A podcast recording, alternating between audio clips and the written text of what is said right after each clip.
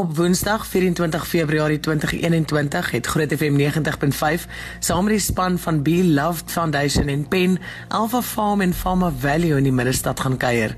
Die jong vroue wat ons by 'n aangewese gebou ontmoet het, is slagoffers van mensenhandel, mishandel en misbruik. Be Loved Foundation het vir hulle maaltye geneem en Alpha Farm en Farmer Value geskenkpakkies vol sanitêre produkte wat insluit seep en lekkerryk spuit. Die hele oggend deurspoel die gelykenis van die verlore seun in my kop en ek glo met my hele hart net soos die pa waarvan die gelykenis vertel, het God nie van hulle vergeet nie. Hoe kan hy? Hierdie jong vroue is gebore vir 'n rede. Hulle is net soos ek en jy perfek geskape. Hy wag vir elkeen van hulle en klop aan 'n gekraakte deur. Een wat net hy kan heel maak. Hy wag vir hulle om hom te vind sodat hy hulle gebroke gees en vlees kan genees sodat hulle kan sien wie hulle is in Christus Jesus as 'n perfekte geskaapene. Hierdie jong vroue wat dalk nou in boeye van omstandighede en minderwaardigheid vasgeketting is. Ons gesels met Mama Wie, 'n formidable vrou met 'n Dawidshart oor die pad wat sy met hulle stap. Kyse Wilna Buddy, beter bekend as Mama Wie, soos almal jou ken. Jy is al baie lank betrokke by slagoffers van mensenhandel en prostitusie. Wanneer het jy geweet dis hier waar jy moet wees? So nee, ek het op die straat gepreek van 2005 af ehm um, met straatkinders gewerk en die manlike drug addicts. Wow. En terwyl ek besig was om 'n straatkind te help wat ehm um, seer gemaak was, het iemand vir my gesê, "Hoekom werk ek nie met die prostituie nie?"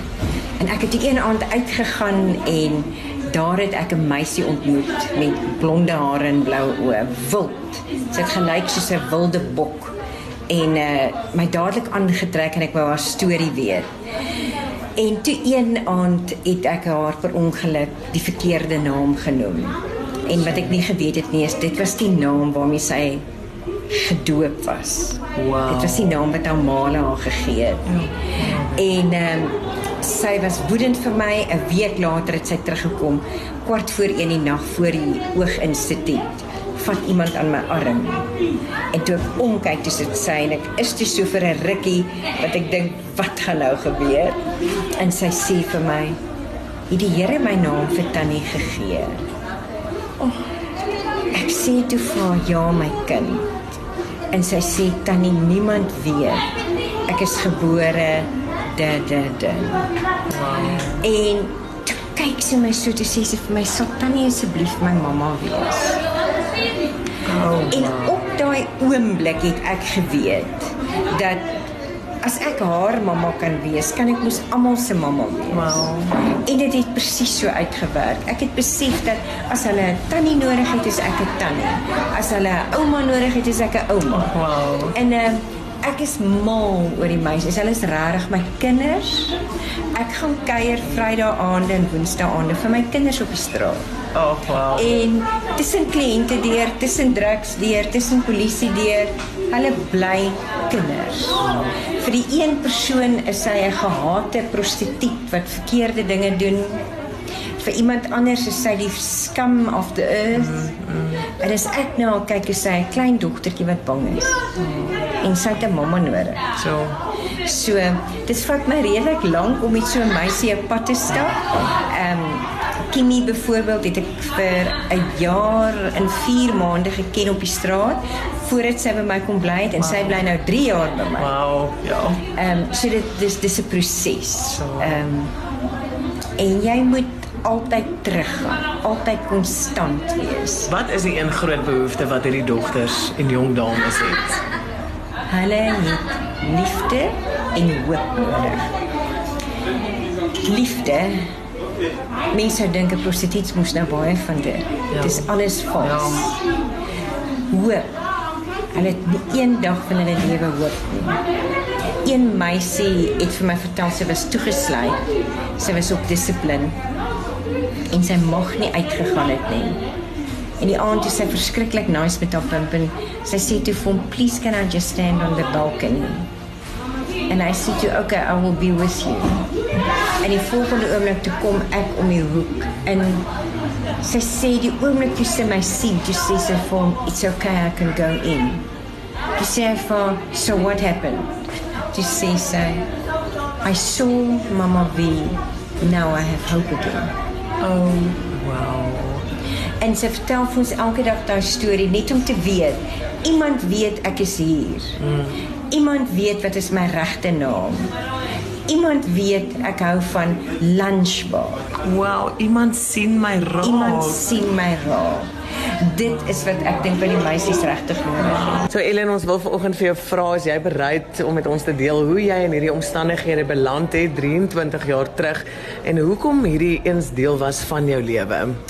Wel, Snay, ehm um, so dis ek sê 23 jaar terug het ehm um, ek het skool uitgegaan, vriende het my aan drugs voorgestel. So dit was like 'n I was on a peer pressure kind of thing. En toe later ehm um, is ek by die huis weg en ek kon ek het rebels geraak en ek het op die straat geëindig. Ehm um, eers in 'n winkeltjie gewerk en toe ek recreational drugs gebruik. Alhoewel my eerste drug wat ek ooit gebruik het heroin was. So was in between die heroin nog geweest. Um, en soos dit uh drugs doen, dit dit 'n downward spiral. Ek dink dit goeders uit mekaar uit dit begin slag gaan en ek het op die straat geëindig. Eers clubs en toe op die straat en ek het begin voltyds heroin gebruik. En toe daai heroin begin gebruik, is dit is dit vas. Dus ek was paar keer getraffic in die tyd wat ek daar was, wat ek verkoop was aan mense en weer verkoop was aan ander mense. Ehm um, so uh die die dwelms het 'n het 'n hou vas in jou en die dealer weet dat as ek ehm um, gebruik ehm um, dan nie kans te gaan weggaan nie. As ek reg toe gaan vir met my dealer het my gesê see you in 7 days or see you in a week or see you in a month. See you in 3 months and to stress book after a month I saw him or after 3 months whatever he said I would see him again because I know he knows that hy weet dat ehm um, uh nie sonder die goed kan gaan. Ja, en ewen as ek skoon is van dit af. Um, um, kry ek nog steeds dit vir dit. So wat ek reis of God is hier waar ek is vandag. Wow. My ma wie my gehelp het. Sy het my ehm um, lewe hom nie sê nie God she know she showed me God. Daar sê Ellen baie mense het 'n persepsie oor straatvrouens, sal ek dit nou noem sekswerkers, slagoffers van mensenhandel. Wat wil jy daaroor sê? Ehm um, as mense ehm slagoffers van mense aan ons sien, hulle sien nie as jy daar staan sien jy die girltjie met 'n soort so, kort sketjie met haar hare gedoen en make-up is op, haar skoene, all smiles, happy, is flirting. Ehm um, wat jy nie weet nie is agter die agter die scenes is sy sy's die geld wat sy maak gee sy vir iemand. Sy's nie gelukkig nie. Sy word verkragt, sy word seer gemaak. Sy word mishandel en die die die ou wat vir ons staan om na te kyk, die pimp as jy nie geld maak, word geslaan vir dit. So wat jy daar sien is nie hierdie girl wat jou man wil verlei nie. Dis actually 'n girl wat wat trapped is in in mensenhandel en drugs. And because I know, I know people ask, but why doesn't she stop? She can just stop. It doesn't work like that. As jy daar is, hy het 'n hand, hy het 'n hand nie net behalwe vir die feit dat hy jou um ek dink hy gebruik ek kan even moeite om jou te hou. Sure. Behalwe vir dit is daar die feit dat jy gebruik drugs. Mm, So Ellen, baie mense het 'n wanpersepsie oor die term human trafficking. Wat behels dit of wat is dit?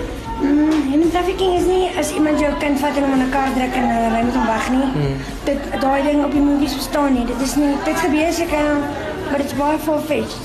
Wat human trafficking is is 'n boyfriend, 'n neighbor, 'n vriend wat jou wat jou by skool ken en hy hy leer jou nader, maak jy so mis en môre dan vat jy jou na plekke toe, begin tyd vir hom te spandeer en voor die visie nie se verkoop en hy's in 'n Nigerian huis. Dit is wat human trafficking eintlik is. Dus en met jou kinders moet op vir wie hulle Meer met te doen kry en assosieer. Die groot die groot probleem van die traffic. Want almal dink ja, dit kan nie met my gebeur nie, dan ewe skielik. Ja, dit jy dit jy dit ook gedink, Ellen. Nie, hulle druk jou in jou ja, die Jy dit ook gedink. Jy Ja. jy het nooit hierdie lewe vir jouself gesien nie. En dan my boodskap aan girls daar buite is dat is nooit te laat nie. I did I did heroin for 23 years and I'm Wow. I'm a human. I'm a human again. Um en dan is nooit te laat nie en dit voel ook of die Here nie daar is nie, but he is there. Hy is daar op jou donkerste tyd. Um I always held on to the, ek het altyd aangehou vasgehou in die ding van voetspore. Ek weet nie mense dit Ja, ken nie. ja. Maar die mense wat hy dit is my my vashouding gewees dat as ek die hardste sukkel en as ek die swaarste kry is wanneer hy my die styfste vashou en my dra. Ja, die twee ry voetspore wat een wil Ja, absoluut. Ja. So dit is my um ding vir die girls, die girls about this that God puts people in your on your way. He does. It's whether you're gonna accept it or not. So open your eyes and see the people that's in your on your way Wow. and accept them. Wow. Dankie Ellen. Sommige van ons kan hierdie jong vroue maklik sien as 'n verlore gemeenskap met verlore siele. Maar met behulp van rolspelers en sy onstuitbare plan vir hulle, vind hulle tog mekaar. Vind hulle tog verhouding. Vind hulle uit wat die eintlike waarheid en betekenisvolheid van hulle bestaan is. Kom ons wees die rolspelers wat hulle help om gevind te word, sodat ons uiteindelik die kalf kan spit en hulle tuiskoms kan vier.